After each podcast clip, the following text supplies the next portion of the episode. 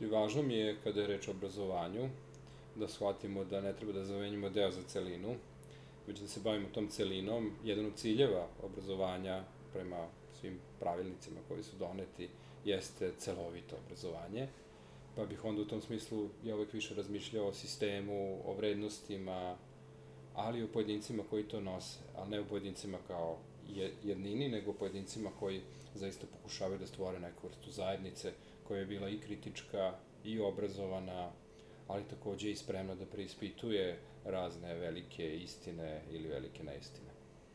Slušamo Vladimira Gvozdana, profesora na katedri za komparativnu književnost na Filozofskom fakultetu u Novom Sadu a u urbanim razgovorima pričamo o dešavanjima koji su doprineli da početak e, juna književnost bude u fokusu. E, velika polemika je bila i u medijima i na socijalnim mrežama u vezi sa tim da su pojedini delovi Desanke Maksimović izbačeni iz programa za treći i četvrti razred, a koordinator u Zavodu za unapređenje obrazovanja i vaspitanja Dejana Milijić-Subić e, za direktno rekla je da su uzeli u obzir činjenicu da je Desanka Maksimović veoma prisutna u osnovnoj školi, a da neka dela jednostavno ne mogu biti prijemčiva e, za osnovce. I da skratimo, imali smo proteste e, da bi se Desanka Maksimović vratila, imali smo čitanje poezije e, i na kraju, zbog pritiska javnosti, ona se u punom obimu vraća u, u program za srpski jezik i književnost. Ja volim da čitam, ali ja nisam profesionalac u svemu tome i ne osjećam se kompetentno da bih sad ja pružala neko svoje mišljenje. Zato sam vas i pozvala da bi u ovih 30 minuta razgovarali i o programu, i o piscima, i o tome kako neko može da uđe prosto u program ili, ili ne. I na kraju krava tu je i sistem obrazovanja koji je verovatno usko povezan i sa tim šta će biti u programu.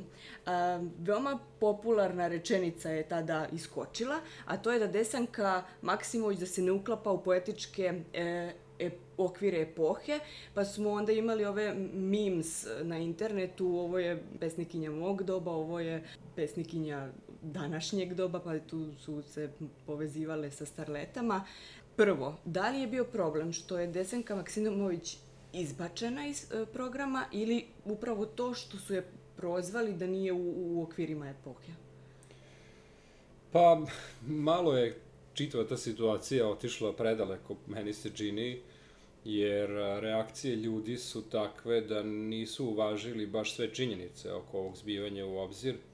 Mislim, kod nas je ta tabloidno, marketinško, ne znam kakva logika, nažalost, u društvu u velikoj meri preovladala. Naravno, imate zadužbenu Desanke Maksimović, čiji je posao da na neki način brine o liku i delu i ona među prvima reagovala i njihov stav je razumljiv. Međutim, ta reakcija se često svodila na jednu rečenicu. Desanka Maksimović izbačena iz školskog programa. Desanka Maksimović, razume se, nije izbačena iz školskog programa, izbačena je jedna njena zbirka, ali mene tu mnogo više zanimaju neke druge stvari, moram to odmah da kažem. Pre svega to pitanje epohe i vrednosti nečega. Oni su mislili da ta zbirka u toj epohi kada se pojavila e, možda nije najadekvatniji izraz onog najboljeg pesničkog što se tada zbivalo. E, mi imamo istoriju književnosti, naravno imamo čitalačke želje i stavove. Običan čitalac ne razmišlja književno-istorijski, to takođe moram da kažem. Običan čitalac, pogotovo kad je o poeziji reč, razmišlja o tome da doživi nekakvo iskustvo, da bolje upozna sebe, svoju unutrašnjost ili da bolje upozna opšte ljudsku subjektivnost i Desanka je tu našla svoje mesto Mislim da je njeno mesto u tom smislu zaista neupitno. Često se izdaju njene knjige, prisutne su, ali mi tu, kako da kažem, mešamo teme, ja bih to rekao. Zato što školski program prvo ne može da se radi ni olako, ni brzo, ni jedinstvenim metod, metodološkim sredstvima. Sad malo čas kad ste rekli da vi niste kompetentni, pa ni ja nisam kompetentan. Znate šta, osnovni, osnovna škola, srednja škola, pa onda srednja stručna škola, pa gimnazija, Pa onda osnovna škola ovakva ili onakva, sa ciljevima ovakvim ili onakvim, to su sve pitanja koje ne može jedan profesor književnosti da reši da kaže, e sad, ne znam, dete u prvom razredu treba da čita to i to. E, mi imamo tu mnogo problema. Mislim, to je ono što je po meni najbitnije. Recimo, ono što od uvek zapravo smatram, od kad radim na fakultetu već 20 godina, da mi zapravo imamo fakultete koji stvaraju ljude da budu nastavnici, a pritom zapravo ne jer mi imamo programe četvorogodišnje plus master koji je sad obavezan, koji služi da mi njih, stvar, da mi njih pretvaramo u ljude koji dosta dobro, ajde da kažemo, poznaju književnu istoriju, ali ja mislim da su mnogo bolji oni sistemi kakav je nemački ili francuski koji dodatno nekog ko se usmerava na škole obučavaju za rad u školi. Dakle, mi onda imamo tu jedan princip da mi na fakultetu moramo da prođemo kroz sve gradivo koje je identično onome osnovnoj i srednjoj školi, kao da bismo pripremili nekog za školu. Onda taj neko odlazi u školu, ima državni ispit i tako dalje. Mislim da je mnogo bolji sistem koji vas tri ili četiri godine priprema za dobrog poznavaca književnosti koji će biti u stanju da komunicira književno delo drugima, kroz razne metode i kroz sebe samog u krajnjoj liniji, kao čoveka koji stoji zaista iza toga što radi i što voli. I da onda dve do tri godine docnije vi prolazite kroz jednu ozbiljnu obuku koja će vas da pretvori u nastavnika književnosti i to ne uvek isto, nego nastavnika književnosti u osnovnoj školi, učitelja takođe, ili a, nastavnika u osnovnoj školi ili nastavnika u srednjoj školi. I mislim da tu negde se i dešava čitava ta problematika da se mi bavimo zapravo o tome šta je u programu, a mene mnogo više zanima pitanje kako mi to radimo, šta god to bilo u programu. Jer, kako da vam kažem, nije bitan kvantitet, bitan je kvalitet. To što je desanka u programu ili nije u programu, to neće mnogo značiti ako ona nije pročitana. Dakle, pojenta je da se menja ceo sistem, ja bih rekao, i to nije pojenta sada zbog ove diskusije. Mene je čak i žao što mi jedino i razmišljamo kad su neke afere u pitanju, o bitnim društvenim pitanjima. I sad je ova afera malte ne završena tako što smo mi vratili desanku, a problemi zapravo koji su suštinski su ostali nedotaknuti. Neki su ispali dobri momci, neki loši momci i na kraju nećemo znati ni koji su dobri i loši kao ni inače, ili će svi biti loši na kraju ili će svi biti dobri, što takođe nije moguća stvar, ali to se tako spinuje i tako to sve izgleda. Neko je došao i vratio nešto u program i sad je sve super. Ne, nažalost nije super. Nažalost, jedno društvo mora da razmišlja o tome šta su njegovi resursi. Vi znate da finski model obrazovanja upravo kaže sledeće. Mi smo država koja nemamo ozbiljne resurse kao što su nafta, gas ili ne znam šta već, već jedino resurs koji mi imamo su ljudi. Ali ljudi sami po sebi, kako da kažem, jesu resurs, nazove se, ali u profesionalnoj sferi i u toj kritičko-političkoj sferi ti ljudi moraju da imaju samopouzdanje, da strah ne bude ono što rukovodi njima, a to upravo usađuje obrazovni sistem i to je nešto što kod nas nekako se ne tematizuje dovoljno i mi moramo da razmišljamo o tom opštem pitanju i o tome kako da zapravo e, menjamo jedan sistem u kojem sve zavisi od pojedinaca, a pritom tih pojedinaca koji kvalitetno žele da rade ima sve manje manje. Pričat ćemo još i o tim e, sistemima, e, čak mislim i u nekoliko navrata. Ali prvo, e, još me interesuje to da li je problem što je oko te afere, da li je bio problem što je, ne znam, deo desankinog prosto korpusa izbačen, a nije izbačen neko drugi zarad nekog trećeg sad, ako mogu to... šta kažete. Pa to je onaj argument da je svaki program ograničen. Vi imate određeni broj časova u školi i vi ne možete na tim časovima uraditi više od onoga što se traži. Naravno, uvijek tu postoji lična interpretacija nastavnika. Postoji izborni pisci, postoji neki akcenat koji ćete vi staviti na nešto ili nećete. A, mislim, Desanka Maksović je pesnik koji ima prilično definisano jasno mesto u srpskoj književnosti. Kod nje postoji još ta dodatna specifičnost što je ona pesnikinja i što u našem programu nema mnogo pesnikinja, što jeste jedna posebna vrsta, hoću da kažem, kod Desanke su mnoge reakcije bile iz različitih tabora, ali su ti različiti tabori imali i različite razloge, a kod Desanke se stvora konvergencija tih razloga, sad ima ljudi koji smatraju kao neki juče, recimo Vlada Janković, da je čitava, čitava ta afera zapravo produkovana od strane sistema samog, E, vlasti i tako dalje, da bi se zapravo tu pojavio neki dobri policajac koji to dovodi u red. Nisam čak siguran i da je to, može da bude da ima i toga, možda u tom momentu kad se sve to desilo da je ta mudra reakcija vlasti bila da to izgledi i ona je tu ispala dobra, jel, za većinu tih aktera, ali to upravo potvrđuje onu tezu da zapravo mi na taj način ništa ne rešamo. Dakle, to što vi kažete, e, činjenica je da mislim da je jedna od velikih deficita obrazovanja to što treba da bude više savremene književnosti. Često i sami profesori književnosti zaboravljaju da mi živimo te književnosti i da nešto što je bilo nesavremeno, nešto što je istorijsko je takođe tada bilo savremeno i da književnost se proizvodi i danas. Naravno, mi to svi znamo, ali igramo kao na neka dva koloseka. Ja mislim da to mora mnogo da bude dinamičnije i mnogo više prepušteno samim nastavnicima i mnogo više nekoj kreativnosti koja nije toliko baš normirana. Jer ja stvarno, kako da kažem, nisam siguran da je poenta u tome da li ćete vi sad raditi Ljubomira Simovića ili Ivana Velalića ili, ili Pavlovića ili nekog od njih. E, dakle, bitno je da radite nekog od njih, ali da ga uradite da to bude đacima prijemčivo, da to bude zanimljivo i da to nema granica u smislu interpretacije, da vi to sad normirate da mora tako. Dakle, to je bila neka pojenta i takođe da uključite u taj proces i savremene pisce koji bi bili neko sa kim bi se moglo razgovarati, sa kim bi se moglo razmišljati, to važi i za druge oblasti, ne samo za književnost. Dakle, da, da shvatimo da umetnost nije nešto to što je prošlost i da shvatimo da i prošlost može biti aktuelna, da sadašnjost može biti dijalog sa prošlošću i da sve to zajedno zapravo jeste obrazovni proces. Mislim generalno da čitava stvar mora da bude mnogo opuštenije, relaksiranije, iskreno da kažem, zato što se previše tu energije e, uključuje neke diskusije oko toga, a zašto ovo, a ne ono.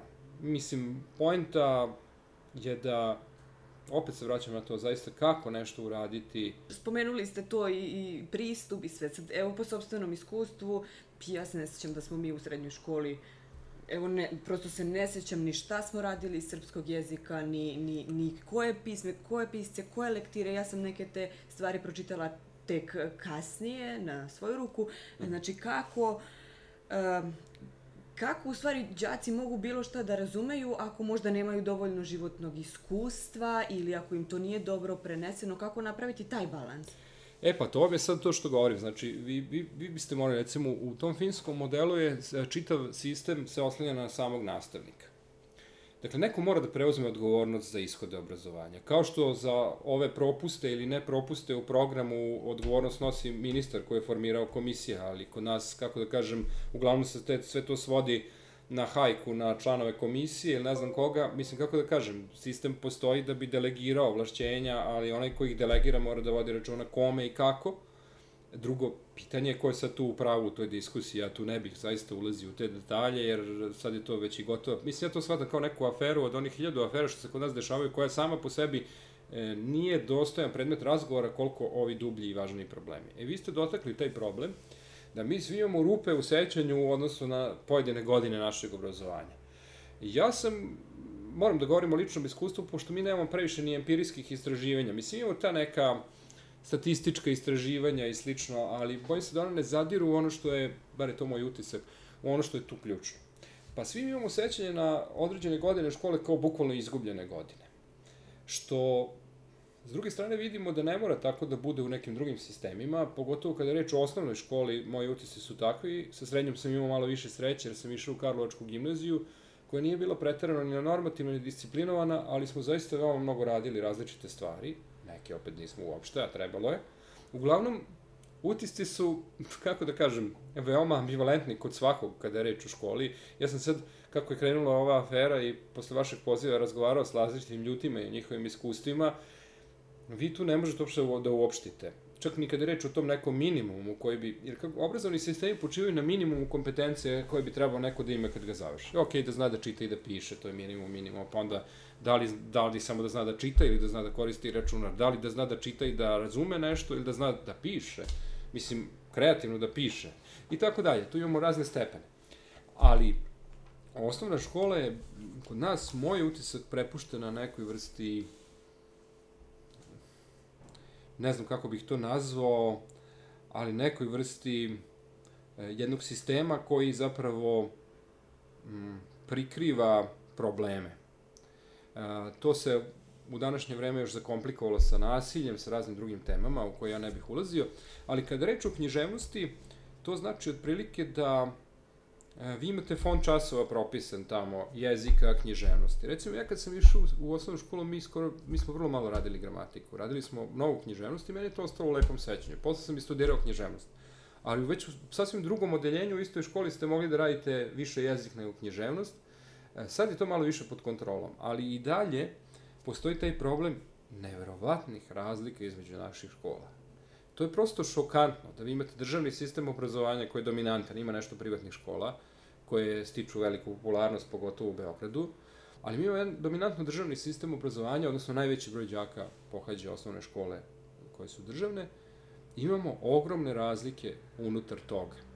To je nešto što je već ozbiljna primjedba i ozbiljan deficit tog sistema, da imate školu do škole koje imaju sasvim različite ishode, onda imate opet problem raznih sila koje učestvuju u ocenjivanju.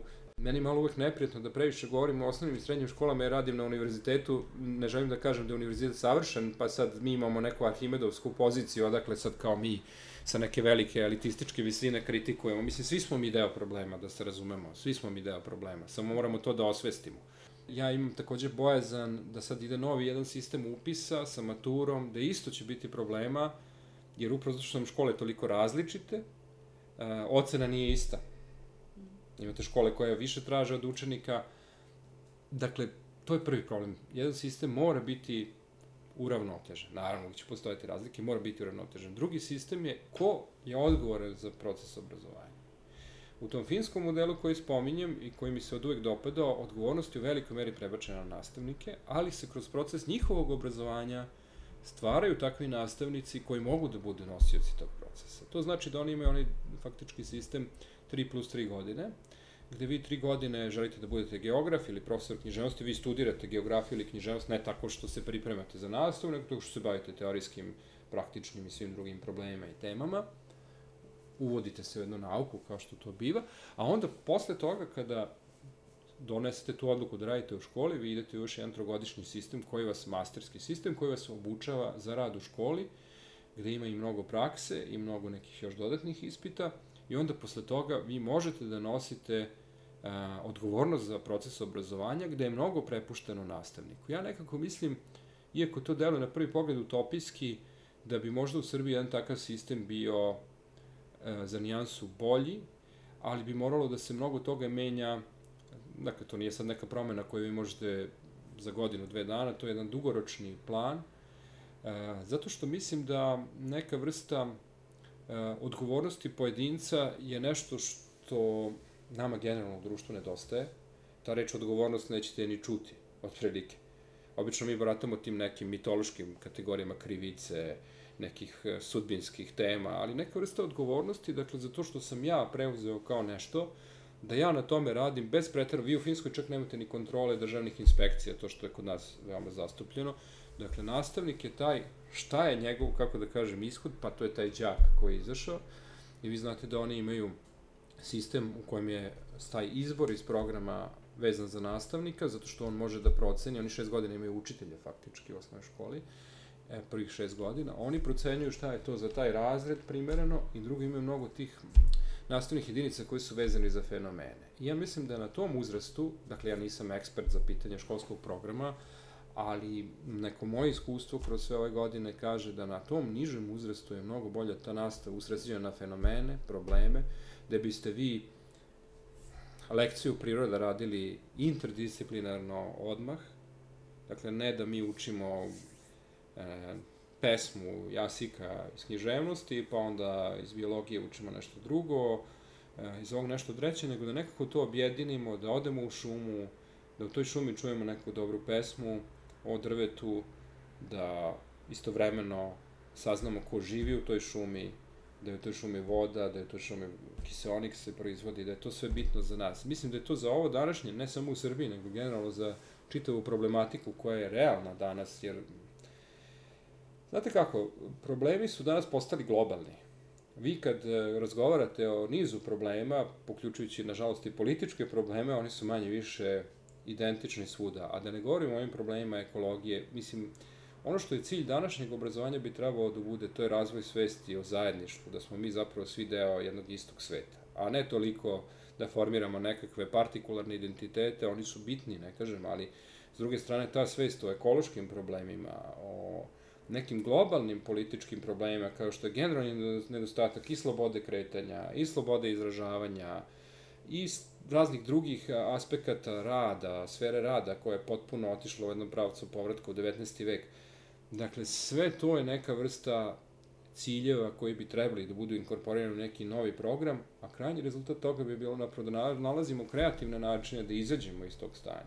A, spomenuli ste već da, da ste vi e, za to da se prosto uvede malo više savremene a, književnosti. E, moja koleginica je baš kad se, kad se desilo sve to, ima dete koje je u srednjoj školi i kaže ona, znam da, da ne znam, nešto je trebao da čita, da li, ne znam, tipa rat i mir i tako nešto, kaže, svađali smo se, nismo mogli nikako, i onda je dobio posle toga Hobita, i kaže, ja ga nisam videla, on je čitao. Tako je, to je sad pitanje uh, upravo fleksibilnosti samog programa. Uh, Hobbit kojeg ste pomenuli je izuzetno čitan. Uh, autor koji je to napisao uh, imao je karijeru koja je vrlo zanimljiva.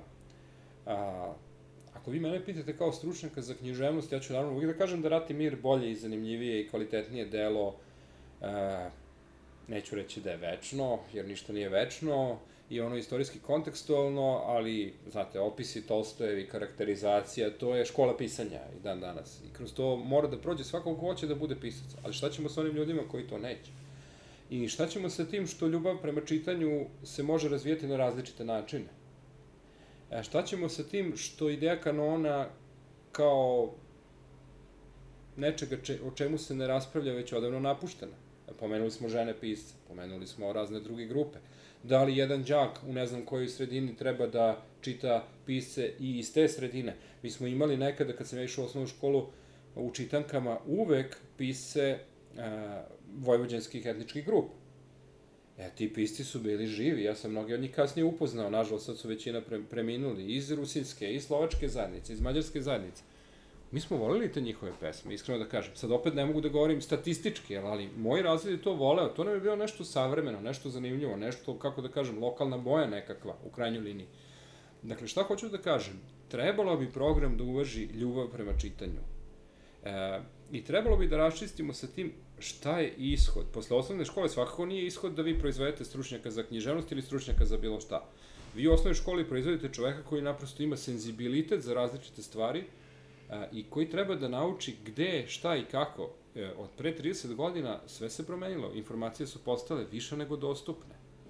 Dakle, nije poenta više u prenosu informacije, nego u načinima učenja kako sa informacijama. Umberto Eco je napisao, njegova poslednja knjiga, uh, Sete, Satan Pepe Alepe se zove, je, je, to su njegovi eseji koje je objavljivo, gde je osnovna teza tih eseja da je naš posao, dakle oni koji se bave nekakvim obrazovanjem, da ljudima ukazujemo kako da se izbore u ovom svetu informacije. Jer svi primećuju, sa mnoštvom informacija mi smo dobili apatiju, skoro neki cinizam, neobaveštenost. Kakav paradoks. Imamo svuda informacije, a ljudi su neobavešteni.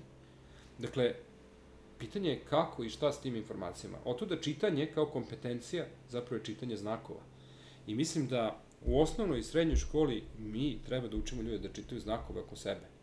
Da li tu spada i hobit? Pa da. Kako ćemo da mu pristupimo? Ako sam ja nastavnik, ako imam kritičke primetbe, pa ja ću ukazati na, recimo na to, ako tu ima, pa ćemo da raspravimo o tome.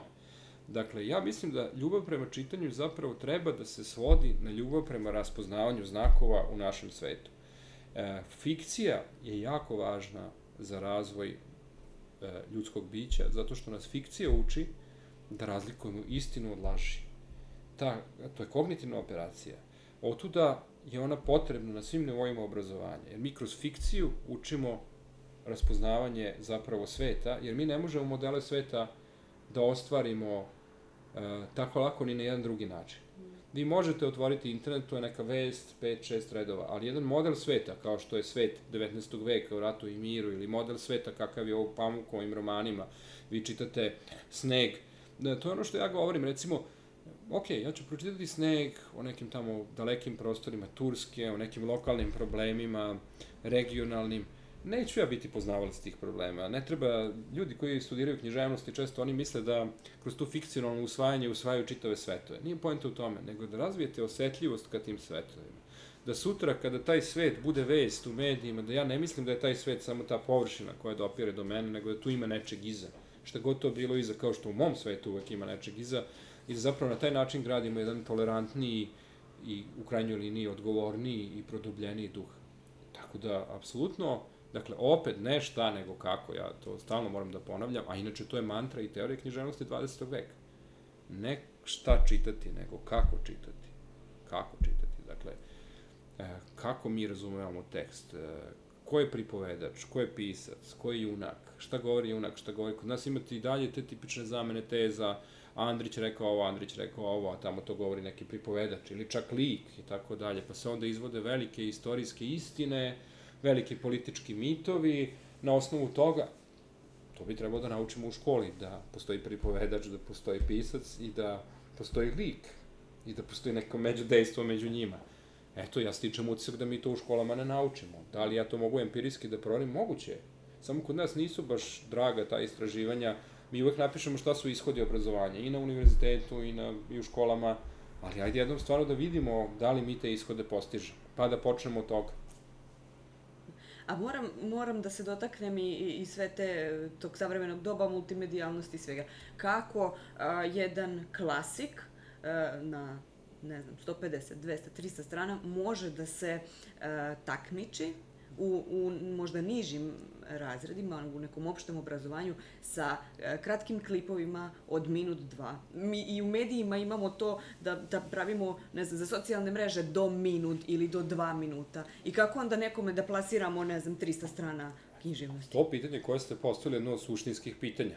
Zato što to jeste e, teško odgovoriti na njega. Ja nisam u stanju da odgovorim, niti se smatram kompetentnim, ali je činjenica da je pažnja nešto što ima svoju istoriju. Dakle, i postoje čak knjige koje se bave istorijatom pažnje. Jer vi dobro znate da, a, već ja ovako mogu da vidim empirijski kroz svoje iskustvo i mnogo govorim na raznim mestima, koliko se pažnja, dakle, menja i koliko ona strukturira na medijem kroz koji se menja. Recimo, kada posmate animirane filmove iz mog detinjstva, koji, kada pustite današnje deci, su im prespori, dosadni, a nama su bili kao neka histerija brzine kada se pojavio prvi voz, pojavila se i bolest koja je bila u nomenklaturi svih bolesti, zvala se dromologija, bolest brzine, išlo je 12 na sat. A mi sad putujemo nekim brzinama od 120, 130 na sat na autoputu rutinski. I nije nam ništa, jel? E, u tom smislu se tako menja i pažnja i percepcija. To je pitanje na koje mora obrazovanje da odgovori. Ja imam utisak da kod nas se reforme i uopšte sve promene vrše samo kozmetnički, samo po površini, a da nema dovoljno hrabrosti da se uđe u dublje reforme, možda je to, ja nisam neko ko odlučuje, možda je to i razumljivo s obzirom na okolnosti, na interese i tako dalje, ali ja sad govorim ono što mislim i ono što bih i sam voleo da vidim. Pričala sam sa jednim kolegom upravo o tome, o sistemu obrazovanja, vi spominjete i Finsku, um, i kolega mi je rekao da se obrazovanje pravi po tome kako želimo da prosto obučavamo ljude, u smislu ako hoćemo da budu više nacionalni, da ćemo više stavljati nacionalne neke primere, ako hoćemo više da budu liberalni, stavljat ćemo neke liberalne.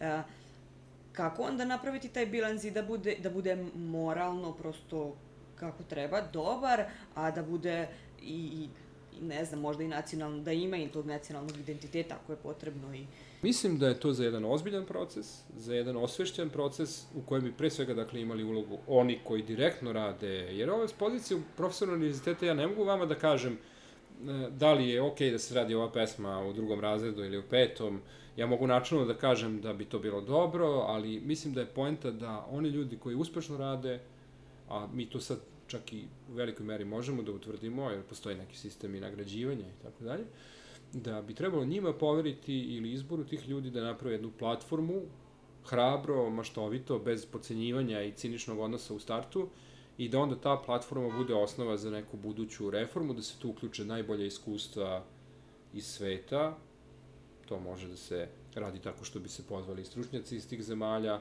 jer neke stvari su, kako kažem, mnogo manje koštuju dugoročno nego kratkoročno, Mislim, kod nas imate jednu državnu politiku koja je vrlo ambivalentna u pogledu toga šta želi od obrazovanja. S jedne strane se povlašćuje IT sektor koji tekako traži obrazovane aktere, zato što kreativnost u IT sektoru ne, pouče, ne počiva samo na izučavanju e, informatičko-matematičkih predmeta i drugih, nego naprotiv, recimo mi sad imamo na našem fakultetu i na, na, naratologiju video igara, jer mnoge te stvari koje treba da se urade zahtevaju te kako kreativnost, te kako u vezu sa umetnošću i sa kreativnom, kako to danas zovu, industrijom.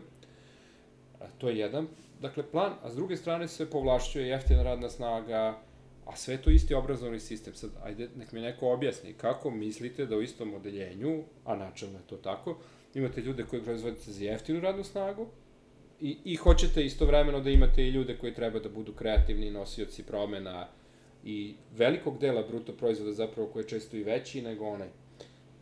Mislim, to je nemoguće. A da stratifikujete društvo i da kažete, aha, imaćemo škole za ove i za one, pa to je neprihvatljivo. Tako da mi moramo da tražimo model, dakle, nužno je da tražimo model koji će težiti ka jednakosti, kao taj finski model. Pogotovo u osnovnim školama, jer to su deca. Mislim, mi smo zaboravili to i oni treba da izrastaju u ljude koji će moći sutra da budu e, i odgovorni, i sposobni, i, nažalost, ću posreću da izraz, i fleksibilni, i koji će biti u stanju da nađu izlaz iz krize u kojoj smo mi, a mi taj izlaz ne nalazimo, mislim, ove generacije. Mi moramo verovati da će neko drugi to da uredi, jer mi se baš nismo pokazali za sve ovo vreme, ni od 2000-ih, a pogotovo ne pre toga. Samo obrazovanje, ako ćemo da se obrazujemo tako, što ćemo da izađemo isti kao što smo ušli ili još gori, onda nam ne treba obrazovanje, onda sam ja za anarhiju. Dakle, obrazovanje služi da nam da mogućnost da se menjamo. Ja to često surovo kažem, kažu a, đak, student u centru obrazovnog procesa i tako da je. To je floskova, to ništa ne znači. Dok god vas neko, upotrebit ću malo grubu reč, ne pomeri iz tog centra u kom ste vi, vi se nećete obrazovati. Dakle, vi morate biti izmešteni iz svojih dubokih pogleda uverenja da bi pokrenuli neki proces promene i obrazovanja. I to je ono čemu treba da služe obrazovne istine. Ako će oni da povlađuju roditeljima, njihovim interesima, đacima i njihovim interesima, pogotovo u višim nivoima, studentima i njihovim interesima, onda imate jedan koruptivno, koruptivni sistem koji je kod nas isto i tekako prisutan, da ne idemo u te detalje. I, I da se za kraj vratimo još malo na književnost. E, šta je to? To čini klasik klasikom, u književnosti i šta je to e, e, zbog čega on mora da bude prisutan u, u, u obrazovnom sistemu? Pa, generalno, klasici su izloženi i ozbiljnoj kritici. U smislu da su klasici vezani za određeni kulturni kontekst. Ajde da kažemo da kod nas to nije toliko sporno, jer nismo bili baš direktno kolonijna država, pa onda nemamo te probleme tog tipa. Ali generalno gledamo, klasik je pisac koji dugo traje, mnogo se o njemu piše, interpretira, mnogo se recipira od strane drugih pisaca, dakle postoji dijalog, videli ste recimo da sad dodata i jedna lekcija u školu, jedan dijalog Ivana Lalajića sa Milutinom Bojićem i tako dalje. Dakle, klasik je proizvod jednog književnog procesa, koje se odvija unutar književnog polja, dakle, objavljuje se, čita se, danas je pogotovo postalo, još deli se na mrežama, mislim, moram i to dodati, to je s Desankom recimo slučaj, ljudi dele pesme, imam mnoštvo prijatelja koji nisu uopšte studenti književnosti, koji dele razne, veoma dobre pesme, jer poezija je izraz nekih subjektivnih stanja. I tu prepoznajemo poeziju. Dakle, smisao klasika je da negde tragamo kroz njih za onim što je opšte za naš kulturni horizont, za ono što ćemo vi i ja razumeti kao nešto što delimo kroz jezik, kroz književnost, nije jedino to klasik, ima i drugih stvari, ali klasik je možda najpraktičniji upravo za školu, jer mi u školi nekako čitajući jednu pesmu kao što je Jasika ili jednu pesmu kao što je bilo koji istražim pomilovanje, dakle mi diskutujemo o jednom problemu koji je opšte. E sad, tu onda nastupaju druga pitanja. Imate klasike koji su komunikativni kao desanka, imate neke koji nisu komunikativni, a uživaju ulogu klasika i tu onda nastaje taj problem da li neko u duhu epohe nije u duhu epohe. Mislim, u osnovnoj školi ne bih uopšte na to obraćao važnju, u srednjoj to već postaje važno, na fakultetu izuzetno važno ako studirate književnost pogotovo. Hvala vam. Bili su to urbani razgovori sa Vladimirom Gvozdenom, profe, profesorom na katedri za komparativnu književnost na Filozofskom fakultetu u Novom Sadu, sa kim smo razgovarali o obrazovanju, o književnosti i o tome kako prilagoditi program i kako ga možda realizovati u praksi da bi dao rezultate. Ja sam Aleksandra Bučko, a ukoliko vam je ovaj podcast bio interesantan, zamolila bih vas da ga podelite sa osobama uh, koji će možda takođe saznati neke nove informacije. Možete ga podeliti na Facebooku, na Twitteru, na, na Instagramu ili prosto poslati uh, link podcasta uh, nekome a podcast je dostupan na mnogim platformama, između ostalih i, i na Mixcloudu, Anhoru, podcast.rs i na YouTubeu. Slušajte i dalje o važnim temama, jedan na jedan.